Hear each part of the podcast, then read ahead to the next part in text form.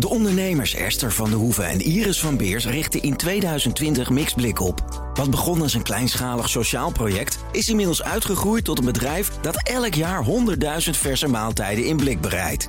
Esther en Iris helpen hiermee migrantenvrouwen op weg naar een betaalde baan. Maar welke inzichten helpen hen bij een gezonde groei van het bedrijf? Je leest het op partner.fd.nl slash exact. Exact. Uitzicht begint met inzicht. Altijd en overal live breaking news. Download de gratis BNR-app. BNR Nieuwsradio. BNR breekt. Ivan Verrips. Goedemorgen en welkom. Vanaf half twaalf praat ik over het nieuws van de dag. Over uh, de spaartax. Die oplossing daarvoor komt niet voor 2026, denkt staatssecretaris Van Rij. Dus we gaan het nog maar eens hebben over het uh, probleemoplossend vermogen van de overheid. En over TikTok-topman Xu Jiu. Die verdedigt zichzelf vandaag uh, bij het Amerikaans congres. Amerikaanse politici zijn bang dat de app data deelt met de Chinese overheid. Maar veel bewijs lijkt daarvoor niet te zijn. Gaan we het zo meteen bespreken. Met mijn twee panelleden. Vandaag journalist Schoot, goedemorgen. Goedemorgen. Fijn dat je er bent. En Annelies Snijder, algemeen directeur van Plan Economie Adviesbureau Snijder... en Financieel Administratiekantoor SFAA. Goedemorgen. Goedemorgen. Welkom. We gaan beginnen met... BNR breekt. Breekijzer. Het breekijzer heeft te maken met wonen. Want de problemen op de woningmarkt zijn talrijk. We hebben te weinig huizen en huizen die er wel zijn, zijn te duur. Zowel op de huur als op de koopmarkt. Aan sociale huurwoningen is een tekort. En dan hebben we ook allerlei uitdagingen als het gaat om verduurzaming. Studenten wonen noodgedwongen, veel te lang bij hun ouders. Statushouders moeten lang wachten op een woning. En zo kunnen we nog wel eventjes doorgaan. Gelukkig hebben we een redder, namelijk minister voor Volksgezondheid... nee, Volkshuisvesting tegenwoordig en Ruimtelijke Ordening Hugo de Jong jongen. Die probeert de problemen op te lossen, maar dat lukt nog maar matig. Laatste wapenfeit is dat de minister probeert om te voorkomen dat tijdelijke huurcontracten worden afgeschaft, terwijl de Kamer dat wel wil, meldt trouw vandaag. Maar ja, is dat nou allemaal zijn schuld? Ligt dat aan het kabinet of uh, zit uh, misschien ook wel de economische wind erg tegen? Ons breekijzer vandaag in BNR breekt is: het beleid van Hugo de Jonge lost de wooncrisis niet op. Ik ben heel benieuwd of je het daarmee eens of oneens bent. Misschien zie je nog vrij weinig succes van het uh, beleid van de Jonge en het kabinet dus zorgt hij vooral voor ophef, maar heeft hij weinig oplossend vermogen. Of zie je wel een minister die stad en land afreist, best doet en nou eenmaal ook niet kan toveren. En dus met die tegenwind te maken heeft. 020 468 4 keer 0 Dat is ons telefoonnummer als je wil reageren. 020 468 4 keer 0 Nu bellen, kom je zo in de uitzending. En je kan ook van je laten horen via BNR Nieuwsradio op Instagram. In onze stories kan je stemmen. Krijg je over 20 minuutjes een tussenstand van me. Zometeen hoor je hoe mijn twee panelleden erover denken vandaag. Maar ik heb ook bij me Marijn Snijders, algemeen directeur van Capital Value, gespecialiseerd in En Matthijs ten Broeke, woordvoerder van de Woonbond. Goedemorgen. Ja, goedemorgen. Mooi in koor. Marijn, ik begin maar even bij jou. Het beleid van Hugo de Jonge lost de wooncrisis niet op. Wat is jouw reactie? Nou, hij werkt in ieder geval heel hard. Wat je al zei, hij rijdt stad en land af. En ik denk zeker dat zijn, zijn centrale aansturing ons kan helpen om meer woningen te bouwen. Dus dat doet hij echt hartstikke goed. Het lastige is dat de wetsvoorstellen van zowel BZK als ook van Financiën ons nu niet helpen. Veel negatieve prikkels en we hebben juist nu positieve prikkels nodig om meer woning te bouwen. Want in een niet gebouwde woning kun je niet huren. Nee, noem eens een paar van die negatieve prikkels. Nou, recent is weer een, een wetsvoorstel door Financiën ingediend om aandelen te belasten met uh, oorlogsbelasting. Dat is heel technisch, maar het komt erop neer dat buitenlandse pensioenfondsen 10% overdagsbelasting gaan betalen als die woningen klaar zijn. Dat is gewoon echt compleet verkeerde moment om dat nu te gaan doen. Mm -hmm. Dus wij hebben ook gisteren een bericht eruit gedaan om te verzoeken om dat wetsvoorstel in te trekken. En wij missen in alle plannen de positieve prikkels, uh, met name iets van subsidie. Om dus met name die, zeg maar, de woning die op dit moment niet kan bouwen, dat het gewoon de business case niet klopt. Om daarbij te helpen, want het is kapitaal genoeg. De corporaties willen meer investeren. Er is heel veel geld bij woningcorporaties pensioenfondsen kunnen nog steeds uh, betaalbare huurwoningen bouwen. Alleen door de met name gestegen rente en de gestegen bouwkosten gaat het meestal nu fout. Ja, en dan hebben we ook nog onzekerheid als het om stikstof gaat. We hebben een arbeidsmarkt die heel moeilijk is als je daadwerkelijk iets neer wil zetten. Uh, vergunningverlening loopt vast, inflatiekostenstijging. Nou, we kunnen wel even doorgaan. Ja, in, in hoeverre. Ik, ik, ja, ik denk toch wel, er zijn op dit moment wel vergunningen. Dat het grappig is, er wordt heel veel over stikstof gesproken. Het goede nieuws is, uh, er zijn ook door het beleid van, van minister, maar ook van de regio's, er zijn veel meer plannen dan ooit. Dus als partijen doorwerken, kan er meer gebouwd worden. Maar dat is nou precies het probleem. Door de crisis gaan ook de architecten minder werken, gaan het aantal aanvragen naar beneden. Dus eigenlijk is een soort, moet een soort wake-up call zijn, call zijn voor iedereen. Een soort collectief falen moet voorkomen worden. We moeten gewoon blijven bouwen. Oké, graag wat meer positieve prikkels dan negatieve prikkels, dat is duidelijk. Matthijs, onze breekijzer. Uh, het beleid van Hugo de Jonge lost de wooncrisis niet op. Wat vind jij? Ik ben het, uh, ik ben het eens met de stelling. Mm -hmm. Wel om wat andere redenen hoor dan de, dan de andere spreker. Uh, minister De Jonge die heeft uh, veel ambities, hoge ambities ook. hij begon veelbelovend, maar de manier waarop hij het nu doet, ja, daarmee gaan we het niet redden. Want waar loopt het spaak wat jullie betreft? Ja, op, op meerdere fronten. Ja.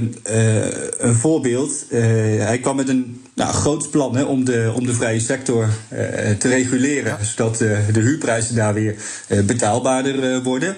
Nou, hartstikke goed. En, ja, en dat is ook echt wel een, een voortvarende wet. -hmm. Maar de manier waarop hij dat doet, daar blijkt dan wel weer uit dat het ja, eigenlijk halfbakken werk is. Het is deels de sector reguleren met allerlei uitzonderingen. Um, ja, en, en, dat gaat dus uiteindelijk zijn doel niet, uh, niet bereiken. Mm -hmm.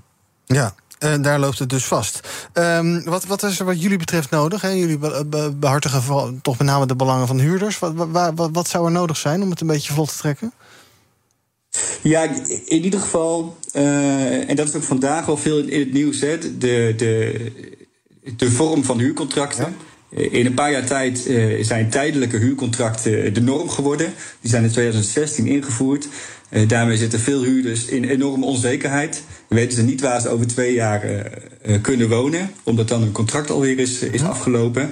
Nou, dat is een, een vrij eenvoudige verandering, namelijk het afschaffen van die tijdelijke contracten en vaste contracten weer de norm maken. Dat ja. is gewoon mogelijk. Dat wil de Kamer. Keuze.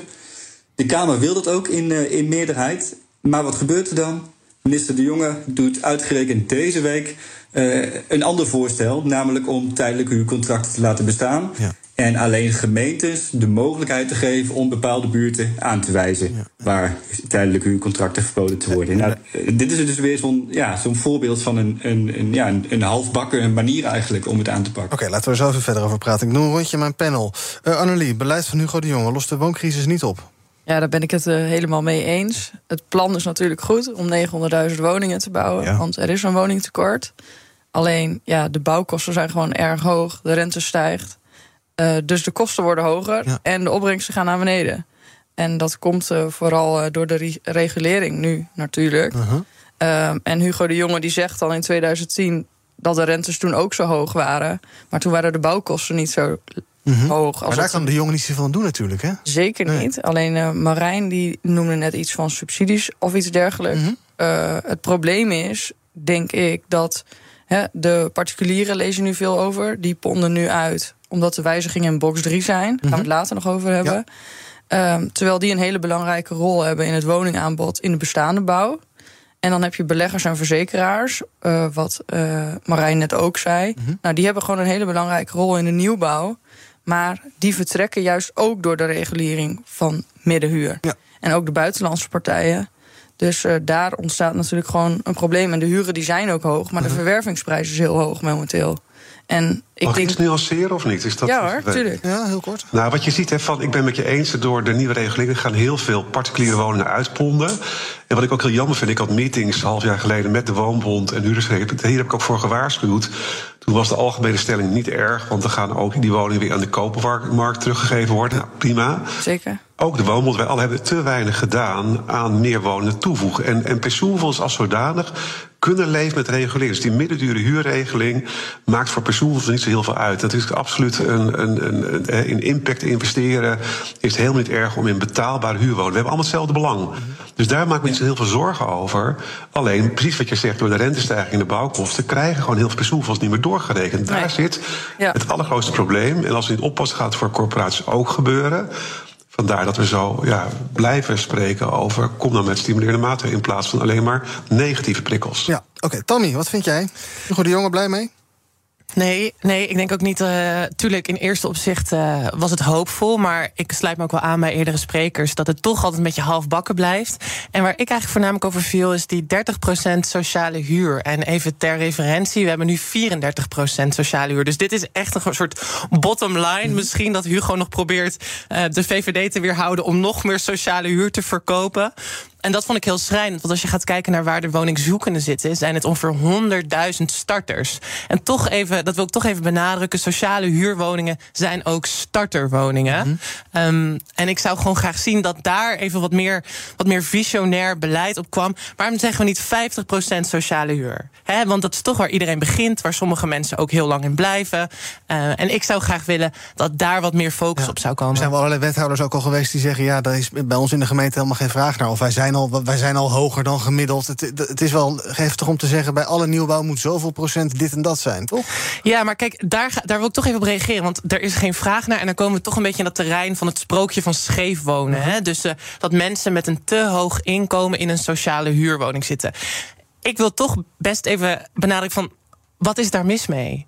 Uh, want we zeggen de hele tijd van scheef wonen, scheef wonen. Die middenhuurders moeten ergens heen. Mm -hmm. Maar als we het hebben over middenhuurders, dan hebben we het over iemand die ongeveer 3000 euro verdient. Als we het hebben over die middenhuur, gaat het ongeveer tot 950 euro. Dat is een derde van je salaris die je dan kwijt bent mm -hmm. aan je huur. Sinds wanneer is dat normaal? Ja. Waarom zou iemand in, met een middeninkomen niet gewoon ook in een sociale huur tot 750 mogen wonen? 750 euro op een salaris van 3000 euro is al heel erg veel. Ja, jij zegt, rekt die, dat, dat begrip sociale huur op. Ja, en, en laten we ook gewoon heel eventjes eh, nadenken over wat het betekent om in een woning te wonen. Wonen is een recht, mhm. niet een privilege. En het is idioot dat je een derde van je salaris kwijt zou zijn aan je huur. Jan, goedemorgen.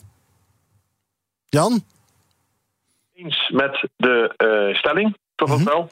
Uh, de jongen gaat het uh, helaas allemaal niet oplossen, hoe goed bedoeld ook. Ik moet zeggen dat ik al heel veel heb gehoord wat uh, Tammy net aangaf, wat me wel bevalt. -huh. 50% sociale huur inderdaad. Ehm, ik denk dat de jongen vooral ook niet de tijdelijke huurcontracten, het al dan niet uitvoeren daarvan of, of toestemmen daarin moet laten gebeuren door gemeentes of, of wijkbesturen.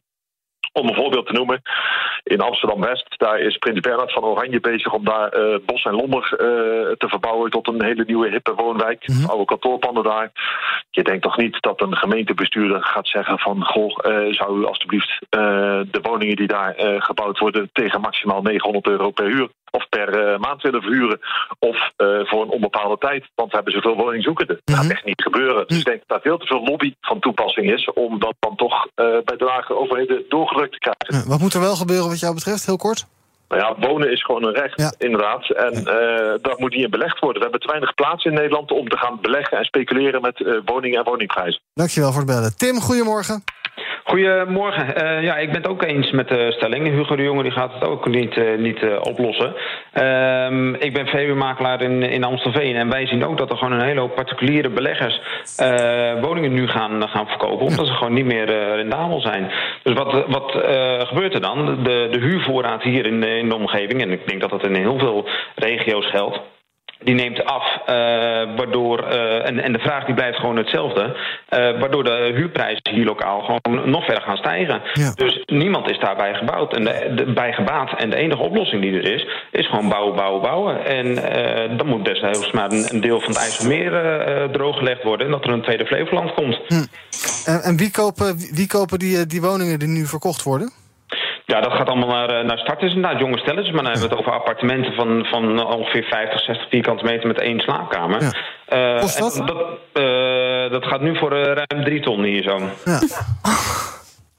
en, dat, ja, en dat is gewoon een hoop geld. En zeker met, met de stijgende hypotheekrentes uh, is dat voor jonge mensen nog steeds lang niet altijd bereikbaar. Nee, dus dan zijn het maar een bepaald ja, segment dat aan bod komt dan. Dankjewel voor het bellen, Tim.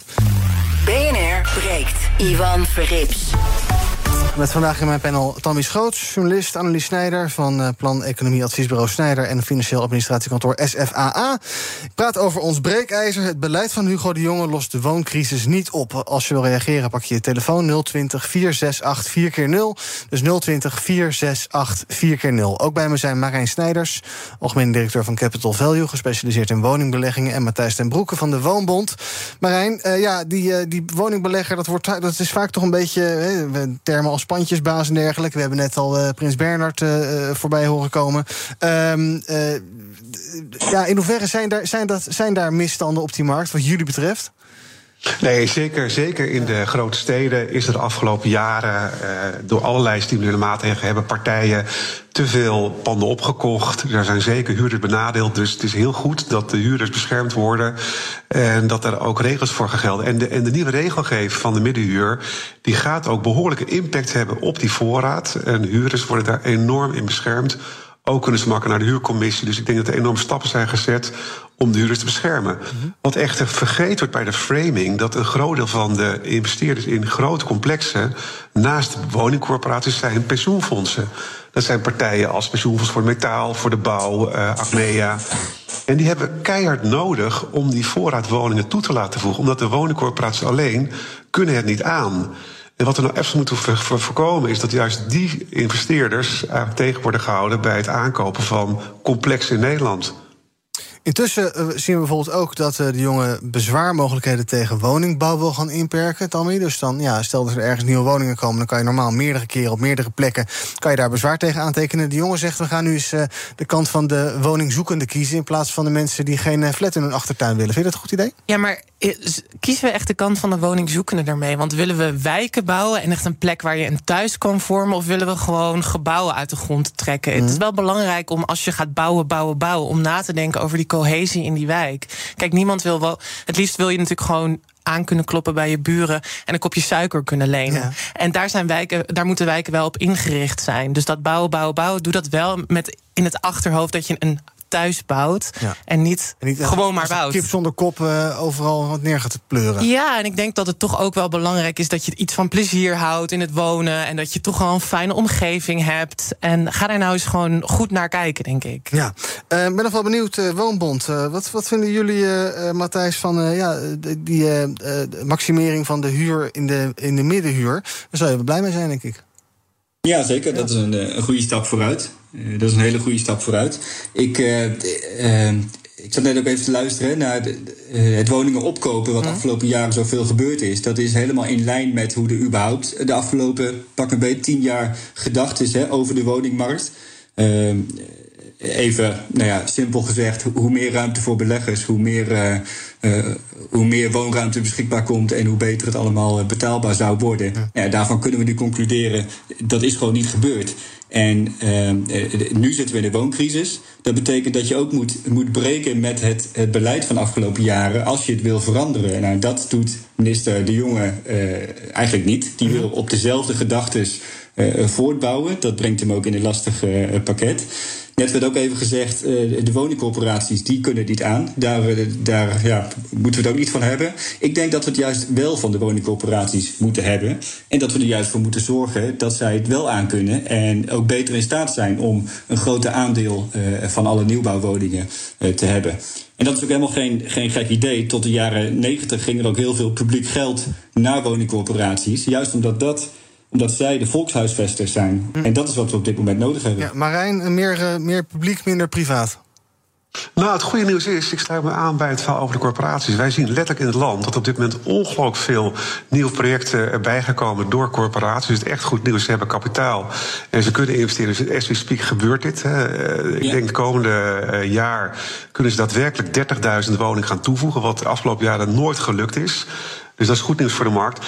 Maar ook die 30.000 is niet genoeg. En ik denk dat dat nou het probleem is. Dat, uh, en ook antwoord op uh, een van de panelleden. Er worden op dit moment prachtige wijken gebouwd. Hè. Ook de gemeentes werken snoeihard om, om mooie woonwijken te maken. Mm -hmm. Maar we moeten samen ook de woonbond, we hebben jullie ook nodig om een stukje positieve vibe te geven. Want ja, overal tegen zijn heeft geen zin. Als we niet die woningen bouwen, dan gaan de huren niet naar beneden. En juist meer voorraad zal ertoe leiden dat er ook minder regels nodig zijn. Want als er te veel voorraad is, dan moeten verder die huurprijs naar beneden brengen. Ja, ze hebben allebei nodig. Dus, ja. Mag ik iets vragen over de liberalisatiegrens? Ik twee bellers aan het woord laten. Oh, oké. Okay. wil jij het vragen of zo naar Fred? Uh, nou, dan laten we Fred maar. Fred. Uh, goedemorgen, met Fred uit Den Bosch. Hallo. Ik heb een vraag aan, aan de panel. Ja. Er wonen ongeveer 4,16 miljoen ouderen in Nederland. En 1,16 miljoen we zitten boven de 80 plus. Ja. En die mensen blijven gewoon zitten. Ja. En dan vraag ik me één ding af. Wat doen we ermee? Ja, nou, beantwoord het zelf maar eerst eigenlijk. Nou, ik vind dat eh, die mensen het gewoon aantrekkelijk gemaakt moet worden Mhm. om te verhuizen. En, eh, naar een seniorenwoning Mhm. of pro- eh, een andere woning. En dat ze hun eigen woning die ze dan alleen laten, dat die wordt omgebouwd. Ja. Nou, ik zie helemaal geen mogelijkheid voor die ouderen boven de 80 plus. Let wel, het gaat wel om 1,16 miljoen eh, boven de 80 plus. Nou, daar wordt helemaal niks voor gedaan. Nee, en we vergrijzen, dus dat zal misschien ook alleen maar toenemen. Ik zal het zo meteen nog even kort bespreken, inderdaad. Of we daar meer op moeten letten als het gaat ook om nieuwbouw wellicht. Eh, meneer of mevrouw Veerman, goedemorgen. Ja, goedemorgen. U spreekt met Piet Veerman. Hallo Piet, zeg het maar. Eh, ik denk dat ik het eh, met de stelling van, eh, die gesteld wordt over het beleid van Hugo de Jonge eens ben, dat hij het niet gaat redden.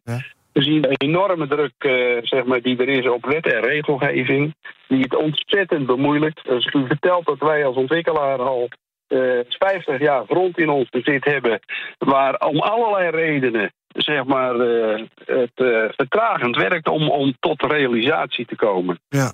En dat heeft deels te maken met de vergunningsverstrekking, de gunningsverlening.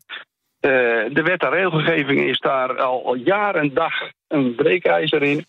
Eh, daarnaast is het zo dat als we nu in 6,5 jaar tijd nog eens een keer eh, een 900.000 woningen in 2030 klaar moeten hebben, terwijl we in alle decennia hiervoor eigenlijk nog nooit meer dan 75.000, maximaal 80.000 woningen per jaar hebben gebouwd. Zelfs niet in de wederopbouw. Dus er moeten hele andere dingen gebeuren. Hoe zwaarder de wet en regelgeving ons eh, eh, blijft belemmeren, hoe lastiger het is. Dankjewel. En we stapelen wet op wet, regelgeving op regelgeving, maar we halen er niks uit om het te vereenvoudigen. Nee, en we zouden een omgevingswet krijgen. Die moest voor alles nog wat gaan samenvoegen. Die komt ook wel weer, maar die is weer uitgesteld. Tot slot van dit half uur nog even Bart. Dag Bart. Goedemorgen. Zeg maar. Ja, ik wilde even reageren. Ik hoorde net iemand zeggen over de, de, de woningcoöperaties, dat die weer aan het bouwen zijn. Nou, tien jaar geleden is de verhuurdersheffing in, eh, in leven geroepen. Toen zeiden de woningcoöperaties, eh, ja, dat gaat ten koste van de nieuwe bouw. Ja. Politiek zei toen van, nee joh, dat is allemaal gezeur, dat, eh, dat gebeurt niet. Nou, dat gebeurde wel. Nu wordt er gezegd, eh, de, de regels van Marnix van Rij en het reguleren van de, van de middenhuur gaat eh, eh, woningen kosten ten, eh, bij de particuliere verhuurders. Nou, wordt weer gezegd van joh, dat is niet erg en dat gebeurt niet. Nou, dat gaat ook gebeuren, want er wordt nergens rekening gehouden met de kostprijs van een huurwoning. Wordt net door de makelaar gezegd, een woning van 50 vierkante meter, nou dat zal een huurprijs zijn in het nieuwe systeem van rond de 600, 700 euro. Die kost 300.000 euro. Nou, 6% rente is al 18.000 euro. Dus eh, dat soort woningen worden in ieder geval niet meer gekocht door beleggers. Zoals iedereen natuurlijk zei, dat is prima. Maar er zijn huurwoningen nodig. Mensen, sommige mensen kunnen niet kopen, sommige mensen willen niet kopen. Het aanbod gaat daardoor naar beneden. Eh, wat ook nog gebeurt is, eh, projecten zijn niet meer uit te rekenen. Wij krijgen een project aangeboden van 29 huurwoningen... die in het WWS-stelsel op 168 punten zitten. Dus dat, dat zou... eh, in een normale huur zit je dan eh, bij ons in de regio ergens rond de 1100 euro. Nou, nieuwe stelsel eh, gaat dat reguleren, dus dat wordt onder de 1000 euro. Uit het project moet 350.000 euro huur komen, kostprijs 8 miljoen. 6% is 480.000 euro rente. En een opbrengst van 350.000 euro gaat dat niet, ga, je, ga, je dat niet, eh, ga je dat niet redden. Nee, dus je krijgt het allemaal gewoon niet rondgerekend. Dank voor het eh, bellen, Bart. Ehm, we zijn eh, door dit half uur heen. Ik wil nog heel even kort, Annelie. eh, een van de grootste problemen momenteel is natuurlijk stikstof, waar we tegenaan lopen.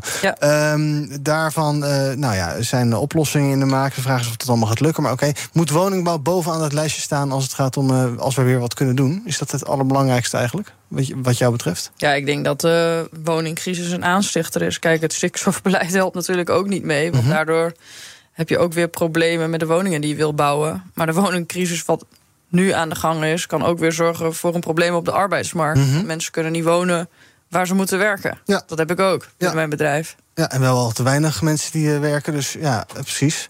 Dus dat zou een van, dus een van de meest urgente prangende kwesties wat jou betreft. Oké, okay. um, Oké, okay, ik uh, dank uh, voor vandaag mijn twee deskundigen. Namelijk Marijn Snijders van Capital Value en Matthijs ten Broeke van de Woonbond. Ons breekijzer op onze Instagram-pagina kan je nog de hele dag reageren. Het beleid van Hugo de Jonge lost de wooncrisis niet op. Uh, Instagram dus, daar kan je de rest uh, van de dag terecht. Zometeen gaan wij verder praten over het andere nieuws van de dag. We blijven even bij de overheid, namelijk we gaan het hebben over de spaartax. Oplossing voor dat probleem laat nog langer op zich wachten. En tot die tijd loopt de staatskas geld mis. En TikTok. Vandaag moet de topman van dat bedrijf zich uh, verantwoorden bij het Amerikaans congres. er is van alles en nog wat aan de hand. Allerlei overheden zeggen wij moeten dat niet meer hebben op onze overheidstelefoons. Is dit misschien gewoon een keer einde verhaal TikTok? We gaan het allemaal zo meteen bespreken in het tweede deel van BNR Breekt. De ondernemers Esther van de Hoeven en Iris van Beers richten in 2020 Mixblik op. Wat begon als een kleinschalig sociaal project, is inmiddels uitgegroeid tot een bedrijf dat elk jaar 100.000 verse maaltijden in blik bereidt. Esther en Iris helpen hiermee migrantenvrouwen op weg naar een betaalde baan. Maar welke inzichten helpen hen bij een gezonde groei van het bedrijf? Je leest het op partner.fd.nl/slash exact. Exact. Uitzicht begint met inzicht.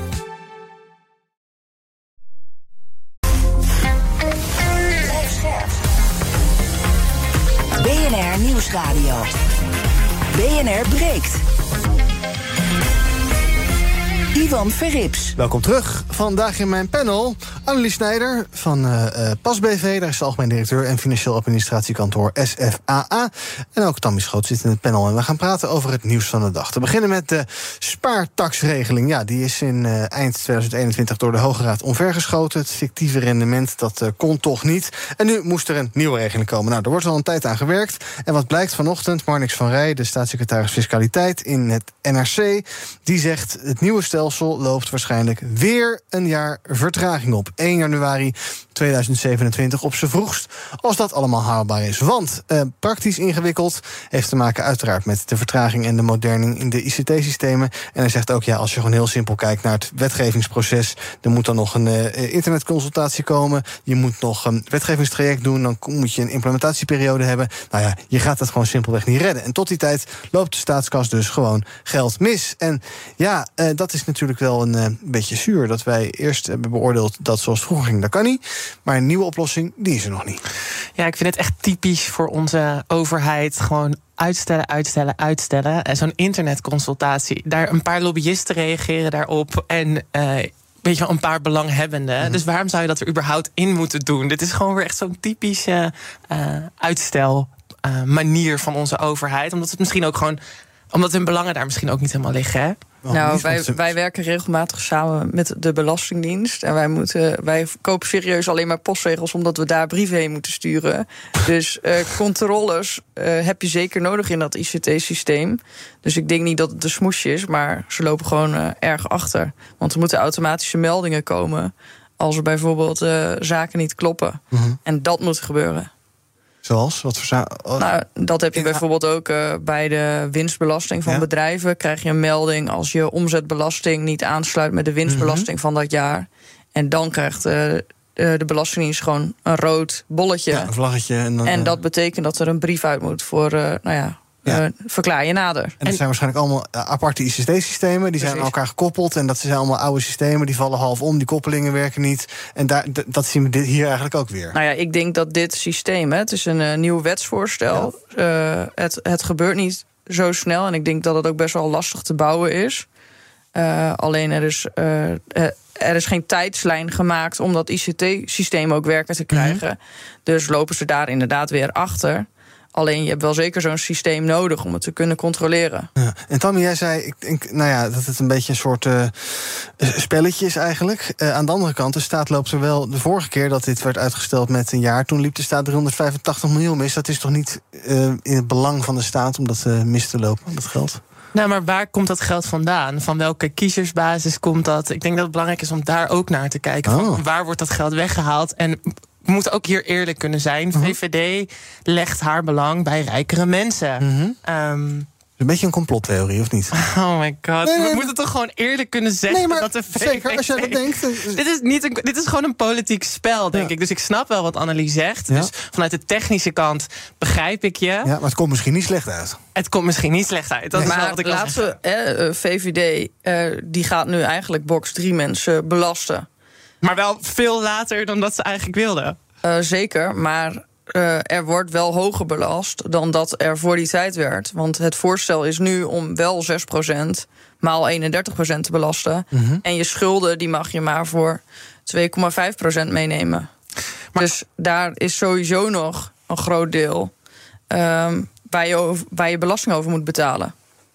Tuurlijk, en daar ben ik het ook helemaal mee eens. Ik ben, ben blij dat het eindelijk gebeurt. Maar kom op, we moeten ook, zeg maar, na tien jaar dat het een soort wilde westen is geweest voor rijke mensen. Waar echt heel veel ge- inkomensongelijkheid, grootste in Nederland en heel Europa. Dat is na tien jaar Rutte gebeurd. Je kan ook eigenlijk geen andere kant meer uit. Nu is een hoognodige maatregel ligt op tafel. En toevalligerwijs gaat die net jaar voor jaar voor jaar vooruit. Ik vind dat, ik vind dat niet een complottheorie. Ik vind gewoon echt, dat is gewoon een soort politiek uitstellen. Dus ik snap wel wat je zegt. Maar we moeten ook gewoon goed kijken naar het politieke fundament van de VVD. Ja, dit werd natuurlijk een probleem omdat de eh, rente heel laag was. En eh, mensen werden ge, eh, aangeslagen met een fictief rendement dat veel hoger was, zeker bij spaargeld, dan daadwerkelijk was. Vind je het redelijk om te verwachten, Tammy, dat de staat bij iedereen ja, eigenlijk een soort maatwerk kan bieden? Dat doen we bij de inkomstenbelasting natuurlijk ook. Daar word je ook netjes aangeslagen over wat je verdient. Dus dan zou dat in box 3 toch ook kunnen? Of snap je ook wel dat je zegt van ja, je kan niet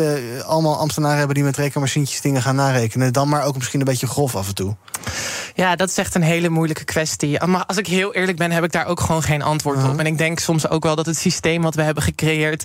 soms een beetje boven het hoofd van de overheid aan het groeien is. En dat is natuurlijk een hele slechte constatering. En in ons vorige gesprek zei meneer inderdaad van al die regels op regels op regels. Ja, misschien moeten we daar toch eens gewoon goed naar gaan kijken om dat te gaan herzien. Ehm, Maar het nieuwe ICT-systeem, Mhm. die zal dus die ambtenaar die zit te rekenen gaan vervangen. En Mhm. daar is dus best wel wat IT voor nodig. Ja. Om die meldingen te krijgen, wat ik net vertelde, wat je ook hebt bij de winstbelasting en de omzetbelastingcontroles. Ja, dus eigenlijk als dat probleem gefixt is, en dat zal ook nog wel een tijdje duren, maar goed, dan zijn we Dat ook weer- zeggen ze dus, daarom is het 2027 nu. En dan zijn we ook klaar voor de toekomst, als het een beetje mee zit. En als we dan doorgaan naar het IT-systeem, dan moet je het ook weer gaan hebben over cybersecurity, over de veiligheid van je systeem. Dus ik denk dat die, die spaartax, die komt er waarschijnlijk eh, 2030 of zo, weet je, of 2040. Als het mee zit. ja. Als het mee zit. Nou, we gaan het volgen ehm, komende tijd, zeker op BNR. Eh, even genoeg eh, over de overheid en het falen van die overheid, want daar kunnen we uren mee gaan vullen. We gaan even praten over een eh, bedrijf, namelijk TikTok. Vandaag gaat het Amerikaanse congres spreken met de, topman van TikTok, Xu Zichu. En dat is de vraag, ja, hebben wij nou met z'n allen met die app een soort eh, Trojaans paard binnengehaald? Die eh, topman die moet zich verantwoorden voor het Amerikaans congres dus. Politici zijn bang dat de app data deelt met de Chinese overheid. En er zijn allerlei misstanden rondom die app ook al wel gemeld. Over eh, politieke advertenties, eh, mensen die verslavingen ingetrokken worden... kinderen die filmpjes voorgeschoteld krijgen die niet geschikt zijn. Inderdaad vraagtekens over waar staat welke data... welke toegang heeft die app tot je telefoon. Maar het is wel veel rook. Is er ook vuur, denk jij, Tammy? Ja, het is wel interessant dat je dat zegt. Want als je gaat kijken naar het concrete bewijs, zie je één. Ehm, één geval waarin locaties van journalisten zijn Mhm. gedeeld. Maar niet dat het soort en masse, zeg maar, ehm, gegevens worden doorgespeeld. En ik vind het, daarom is het ook wel interessant dat er zo stelling wordt genomen in zowel Amerika als in het Westen. Ja. Dat we eigenlijk zeggen van ja, China, we vertrouwen het niet helemaal. Het zit misschien ook een beetje in lijn met die ehm, soort stille oorlog die er aan aan het komen is tussen China en Amerika. Eh, ik denk dat het vooral op politiek gebied heel interessant is dat landen steeds meer stelling aan het nemen zijn, waaronder Nederland. eh, in, ehm, of na- naast, en naast Amerika gaan staan. Ja. Ehm, dus ik vind het wel een interessante ontwikkeling. Ik vind het ook een goede ontwikkeling dat we wat serieuzer omgaan met onze cybersecurity. Ja, zit je op TikTok zelf? Ja. ja, ik zit erop. Uh-huh. Ja, er wordt afgeraden door de Nederlandse overheid om TikTok op je telefoon te hebben, toch? Aan ambtenaren en zo. ambtenaren, voor ambtenaren wordt het zelfs verboden binnenkort. Eh, maakt dat nog impact op jou, dat soort berichten? Want ja, ze- je zou denken dat dat doen ze niet voor niks. Kijk, het probleem is gewoon dat je afhankelijk ervan aan het worden bent. Dus wat je zag, hè, je zag eerst Facebook. Nou, dat is echt passé. Toen Twitter. Nou, niemand zit er maar op 5% of zo van Nederland zit daarop. Overheden zitten heel veel op Twitter. Ja, precies. Maar die lopen net zoals het ICT-systeem echt mijlenver achter. Eh, Instagram is nu ook weer naar beneden aan het gaan. En dus als je bijvoorbeeld doet wat ik doe, dus journalistiek, maar ook opinierende dingen, ga, heb je TikTok nodig. Ook om een jonger publiek eh, te, te, te raken. Dus die afhankelijkheid, dat maakt het heel lastig. Maar jij, jij zegt Twitter is ouderwets. hè. Dat, dat vind ik ook wel. Ik heb ook geen Twitter, maar wij hebben bijvoorbeeld met de zaak wel Twitter. Want als er bijvoorbeeld eh, nieuwe woningprojecten aankomen... of er gebeurt echt iets in een gemeente... kan je heel makkelijk daar wel op filteren. Mhm. En daar staat altijd wel het laatste nieuws. Dus best wel veel eh, nou ja, echt volwassen mensen zitten daarop. En TikTok is de hele jonge generatie. Noem je mij nou onvolwassen, Annelie? een beetje. Een Nee, dat is een ik niet. compliment. Ik weet het niet, ja. Maar dat is een beetje meer onserieus wat daar gebeurt. TikTok? Ja. Nou, dat, dat ben ik echt niet met je eens. Want bijvoorbeeld, eh, het laatste nieuws komt ook op TikTok. Ja. Heel veel dingen, trends die gebeuren onder jongeren, dingen die spelen onder jongeren, sentimenten, komen, worden het eerst geuit op TikTok. Dus als je wil weten wat er met jongere mensen, en ik ben 28, ik schaar mezelf ook nog Ja, wel hoor. onder die twintigers, jonge mensen. Wij zitten daar ook steeds meer. Zeker, zeker. Ehm, alleen eh, Twitter wordt vaak alleen maar serieus gebruikt. En op TikTok, dat bedoel ik te zeggen, dat je niet. Tuurlijk zie je het nieuws en nieuwe trends, et cetera. Maar ook Jij- dansjes en noem dat maar op. Jij zit echt niet op Twitter, want zo serieus is het niet altijd. Er is ook echt genoeg bullshit op Twitter te Ja, vinden. precies, gelukkig. Maar Annelie. tot slot even, maak je je zorgen om TikTok? En zeg je van, moeten we uit voorzorg maar niet doen? Of eerst eh, zien en bewijs zien en dan eh, ermee stoppen? Kijk, ik vind het sowieso geen goed idee dat je dat soort eh, social media apps op je werktelefoon hebt als je een Mhm. ambtenaar bent. En het is wel interessant natuurlijk dat eh, in China is Facebook volgens mij verboden. Uh-huh. En TikTok mag, moet wel over de hele wereld. Verspreid worden. Ja, waarom Ja. is het dan in face- Facebook verboden? Zoals de waard is vertrouwt hij zijn gasten, toch? De ondernemers Esther van der Hoeven en Iris van Beers richten in 2020 Mixblik op. Wat begon als een kleinschalig sociaal project, is inmiddels uitgegroeid tot een bedrijf dat elk jaar 100.000 verse maaltijden in blik bereidt. Esther en Iris helpen hiermee migrantenvrouwen op weg naar een betaalde baan. Maar welke inzichten helpen hen bij een gezonde groei van het bedrijf? Je leest het op partner.fd.nl/slash exact. Exact. Uitzicht begint met inzicht. Instagram heeft gezinstools om jouw gezin een veiligere en gezondere ervaring te bieden op de app. Wanneer tieners een Instagram-profiel instellen, zorgt standaard privéaccounts ervoor dat wat ze posten privé blijft voor hen en hun volgers. Met een dagelijkse tijdslimiet help je jouw tiener om zich aan gezonde gewoontes te houden op de app. En door toezicht samen in te stellen, krijg je meer inzicht in wie ze volgen. Ontdek meer over deze en andere gezinstools op instagram.com/slash gezinstools. BNR breekt. Jij slaapt waarschijnlijk in Excel, Annelie. De hele dag. Ik vind het wel een fijne tool, ja. Ja. Een soort ultieme. Soms word ik s'nachts wakker, zwetend. En dan denk ik, oh, Excel, som is dat, plus dat, help. Nou, oké. We gaan kijken naar wat jullie is opgevallen in het nieuws. Eh, Tammy, jij hebt een artikel van Trouw meegenomen... waarboven staat, wetenschappers steunen ontslagen docenten. Studenten Groningen willen actie tegen ongewenst gedrag. Wat is er aan de hand? En waar? Ja, dat eh, is inderdaad aan de Rijksuniversiteit Universiteit Groningen. Suzanne Tauber, dat is een docent daar. En die is ontslagen omdat ze zich uit heeft gesproken... over discriminatie tegenover vrouwen in de universiteit. En ik vond dat heel schrijnend dat het bestuur... in plaats van achter haar te gaan staan te gaan kijken... oké, maar wat gebeurt hier dan? We hebben het dan over grensoverschrijdend gedrag. We hebben het over dat er te weinig vrouwen... in eh, hogere posities komen daar. Het is echt, volgens mij, als het gaat... als je kijkt naar hoogleraar, is het echt maar een minuscuul deel. En in plaats van, oké, we gaan het veranderen... wordt ze ontslagen. En je ziet nu studenten... eh, volgens mij het gebouw is zelfs bezet. Ja. En met als eis dat zij weer een functie zou krijgen. En nu hebben mensen bij genderstudies... zij doet zelf iets met economie. Die hebben gezegd, geef haar hier een baan.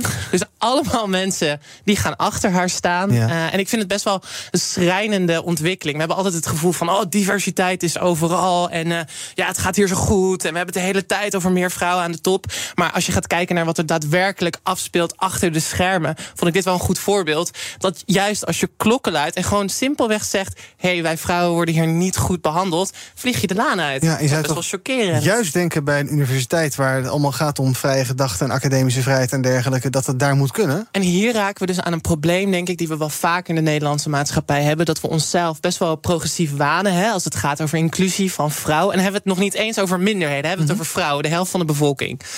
Um, maar dat je in de praktijk ziet dat daar toch echt iets mis aan het gaan is. Hè? Van waarom komen vrouwen niet in hogere posities? Ja, wat is dan jouw analyse? Waarom, ja, blijkbaar kan dan de leiding van zijn universiteit daar niet mee omgaan. Of die vindt dat allemaal maar eng en spannend, iemand die zich uitspreekt. Maar je zou toch denken, als je een beetje verstandig nadenkt, dan weet je toch wat je moet doen? Of je zoekt er hulp bij, maar iemand wegsturen bij de universiteit? Ja, ik denk dat het toch een beetje de mentaliteit is. En dat we vaak best wel vanuit individueel perspectief beredeneren. Hè? Dus, en dat we het dan neerleggen op... oh, iemand, iemand maakt gewoon problemen. Iemand is hier gewoon maar wat aan het roepen. In plaats van dat we echt naar de structuur mhm. kijken. Daar hebben we best wel een handje van, denk ik, in Nederland. Ook als je gaat kijken naar die gelijkheidswet uh, van vrouwen in de top. Zegt 30% vrouwen bij beursgenoteerde bedrijven. Maar het is niet een vrouwenwet, want het zegt ook... maar we hebben ook 30% mannen nodig.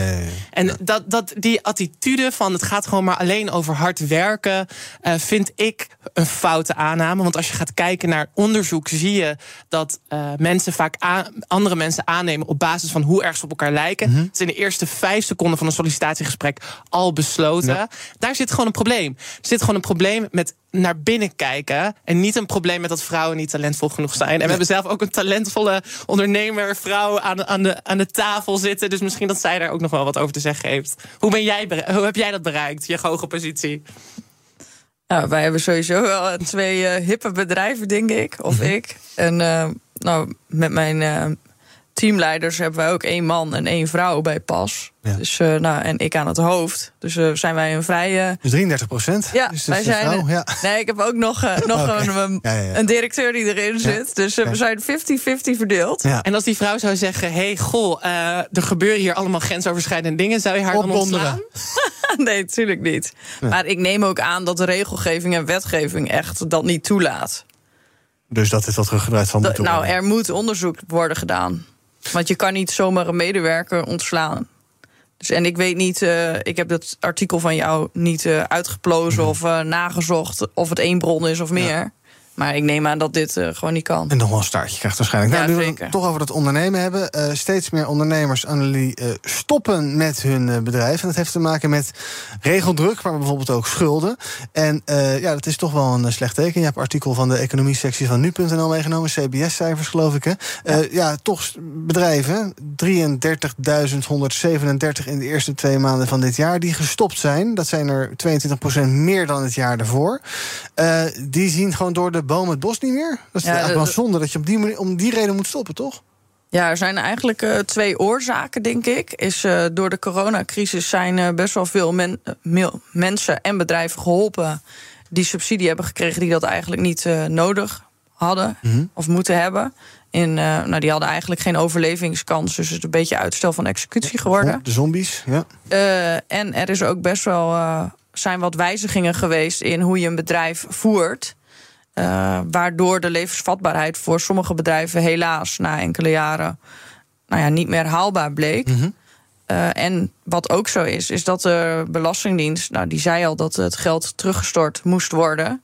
En onder die betalingsregelingen die sommige mensen hebben, dan kan je zeggen, ja, je mag er tien jaar over doen.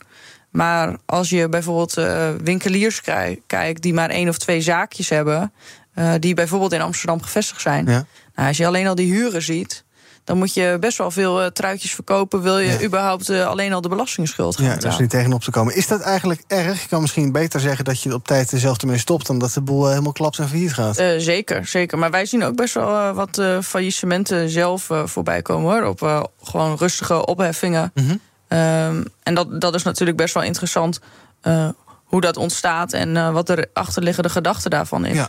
En sommige mensen hebben ook best wel veel stress gekregen als ondernemer zijnde, omdat er zoiets groots als corona was, waarin alles op slot werd gegooid. Uh, ja, dan moet je in één keer nagaan denken over situaties waar je in je stoutste dromen geen rekening mee hield. Nee, maar ja, als een onderneming dus stopt, enkel en alleen omdat uh, ja, regelgeving te ingewikkeld wordt of iets dergelijks, dat is, dat is natuurlijk jammer. Want die mensen, dat zijn dus ondernemers, die willen graag iets doen. Die kunnen waarschijnlijk ook wat en die worden tegengehouden door de omstandigheden. Zeker, zeker. Maar aan de andere kant hebben we ook gewoon een uh, werknemerstekort. Uh, en kunnen die ook uh, gewoon mooie banen vullen. Ja, waar ze misschien wel binnen Ja, als je een ondernemend persoon bent uh, met een mooie historie, ik denk dat daar best wel veel vraag naar is.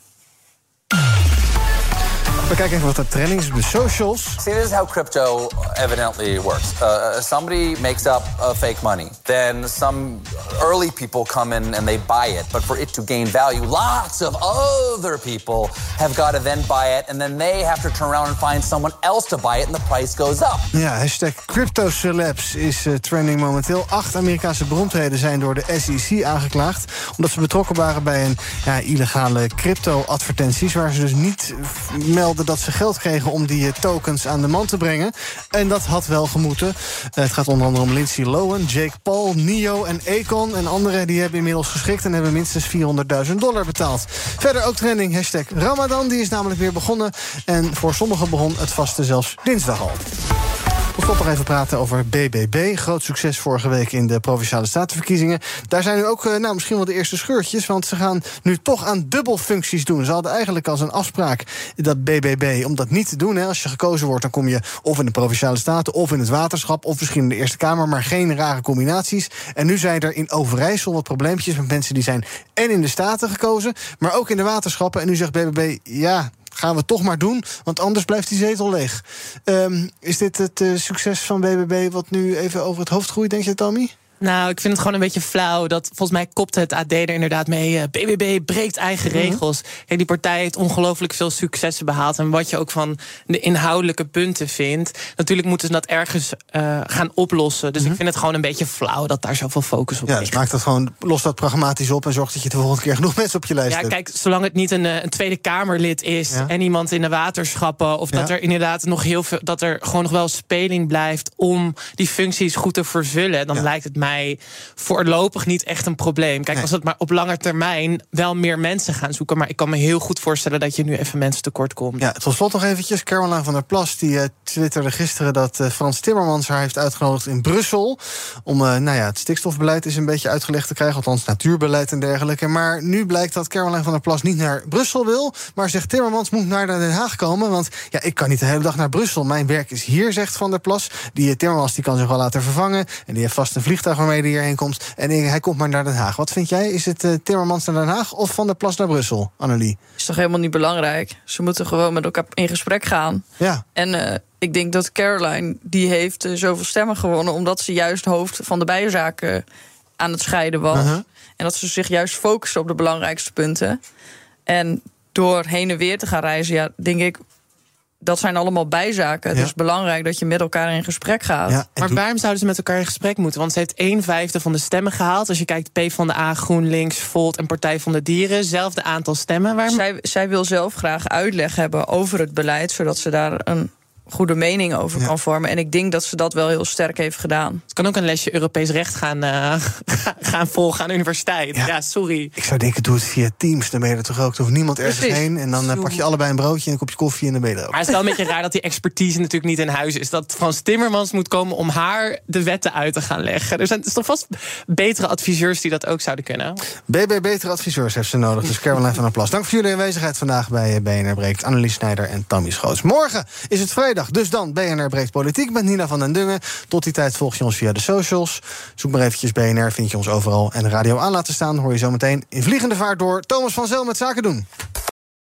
De ondernemers Esther van de Hoeven en Iris van Beers richten in 2020 Mixblik op. Wat begon als een kleinschalig sociaal project... is inmiddels uitgegroeid tot een bedrijf dat elk jaar 100.000 verse maaltijden in blik bereidt. Esther en Iris helpen hiermee migrantenvrouwen op weg naar een betaalde baan.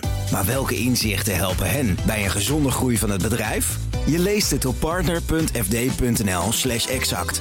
Exact. Uitzicht begint met inzicht.